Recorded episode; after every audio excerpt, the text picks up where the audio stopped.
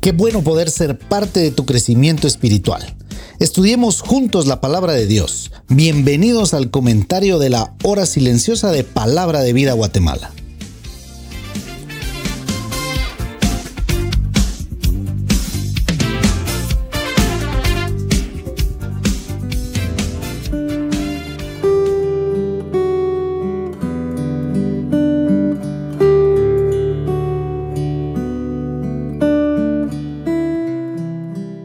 Verdadero privilegio poder abrir la palabra al Señor juntamente contigo el día de hoy.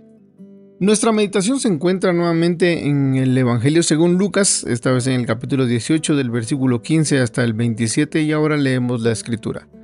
Traían a él los niños para que los tocase, lo cual viendo los discípulos les reprendieron. Mas Jesús llamándolos dijo, Dejad a los niños venid a mí, y no se los impidáis, porque de los tales es el reino de Dios.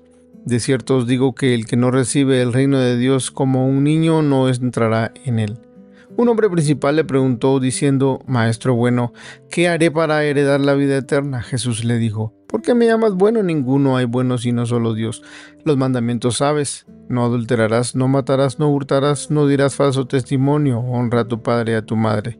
Él dijo, todo esto lo he guardado desde mi juventud. Jesús oyendo esto le dijo, aún te falta una cosa Vende todo lo que tienes y dalo a los pobres y tendrás tesoro en el cielo y ven, sígueme. Entonces él oyendo esto se puso muy triste porque era muy rico. Al ver Jesús, que se había entristecido mucho, dijo, cuán difícil entrará en el reino de Dios los que tienen riquezas.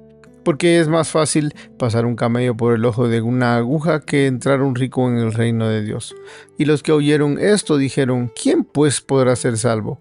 Él les dijo, lo que es imposible para los hombres es posible para Dios. Tenemos los primeros tres versículos del pasaje del día de hoy al Señor Jesús que ha recibido con afecto a los niños, vale la pena recalcarlo, y los niños que han sido traídos por personas adultas. Consideremos un par de cosas en estos primeros versículos. En primer lugar, el Señor Jesús tenía cierta calidez y vamos a decir que era sin par ¿verdad? Al punto de que los niños no se habrían rehusado a acercarse a él. Los niños, al contrario, se identifican con él. De la misma manera, los niños pueden identificar a aquellos de nosotros que podríamos decir que no somos tan carismáticos y sencillamente los alejamos de nosotros. El maestro no, él los atraía hacia sí.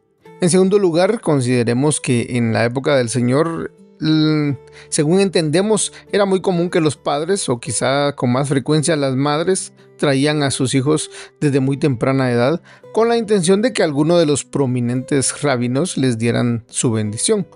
Mateo en el capítulo 19 especifica la conducta del maestro diciendo que traían a los niños para que pusiese las manos sobre ellos y también dice para que orase por ellos, dándoles así su bendición, ¿verdad? Mencionamos que a diferencia de la cultura religiosa tradicional del día de hoy, Jesús los bendice a estos niños, pero no los bautizó, dejando así fuera la tradición que estamos mencionando.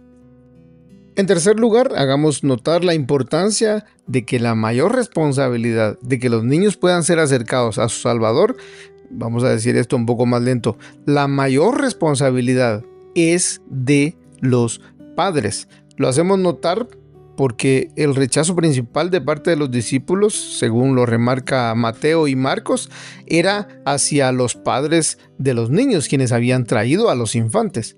Debemos resaltar esta verdad porque si vemos en nuestras congregaciones, los niños dependen completamente de sus padres, también dependiendo de la edad, donde viven y su contexto y las distancias.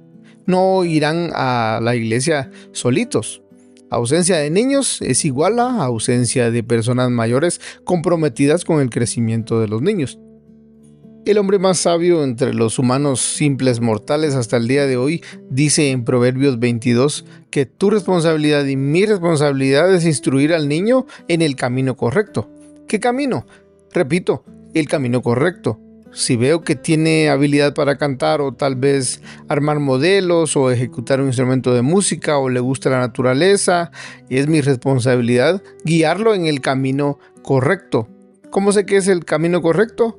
o lo que Dios quiere para el niño, bueno, pues eh, siempre que ese camino por el que le estemos guiando a este niño esté de acuerdo a lo que dice el apóstol Pablo, conduciéndolo a su santificación. Si recordamos lo que dice en la primera carta a los tesalonicenses en el capítulo 4, dice, la voluntad de Dios es vuestra santificación. Entonces instruye al niño en su camino, siempre que ese camino lo encamine, valga la redundancia, a su santificación, porque de los tales es el reino de los cielos. Podemos entender esto en el sentido de que con cuánta facilidad, con cuánta gratitud, con cuánta esperanza reciben los niños cualquier cosa que se les dé. Debemos darles, por supuesto, el reino de los cielos. Veamos el contraste presentado en los siguientes versículos donde tenemos a un líder religioso que quería saber qué hacer para heredar la vida eterna. Un líder religioso que fue tratado como eso mismo, ¿verdad? Pero con respeto. ¿Por qué me llamas bueno? Recientemente hablamos con un cristiano de años y aclarábamos algo que es fundamental. Decimos que alguien es bueno cuando da muchas cosas a los demás. Confundimos el término en realidad, ya que deberíamos decir que esa persona es bondadosa. Aquí el Señor hace referencia al evento que leemos allá en Mateo 7 y también en Lucas 11. Los malos también saben dar cosas buenas. Pero este líder religioso se presentó delante del Señor y vino corriendo e hincando la rodilla delante de él. Este detalle nos lo da Marcos en el capítulo 10 tenemos aquí a un líder lisonjero, adulador, podríamos decir. Y el Señor le dice, no seas lisonjero, debes entender que solo Dios es bueno y no solo es bondadoso. Pero para contestar tu pregunta, tú siendo líder religioso, ¿conoces los mandamientos? Siempre con actitud lisonjera, aclara la garganta y dice, todo esto lo he guardado desde mi juventud. ¿Ves que soy bueno? le hizo falta decir, es cierto, eres bueno, ahora te hace falta ser bondadoso. Espero que en este punto estén entendiendo lo que estoy tratando de explicar. Así que, aún te falta una cosa, le decía, vende todo lo que tienes y dalo a los pobres y sígueme. Ufa. Oyendo esto, se puso muy triste porque era muy rico. No te dejes engañar por creer que esta invitación que se le hizo de dejar todo y seguir al Señor no es para ti, porque no es una regla general, sino que solo es para personas que tienen capacidades especiales. Pero tampoco te dejes engañar pensando de que está bien, puedes seguir al Señor desde aquí, lejitos, contando con todas mis posesiones, solo para mí, sin responsabilidad del uso sobre ellas. Dios te bendiga.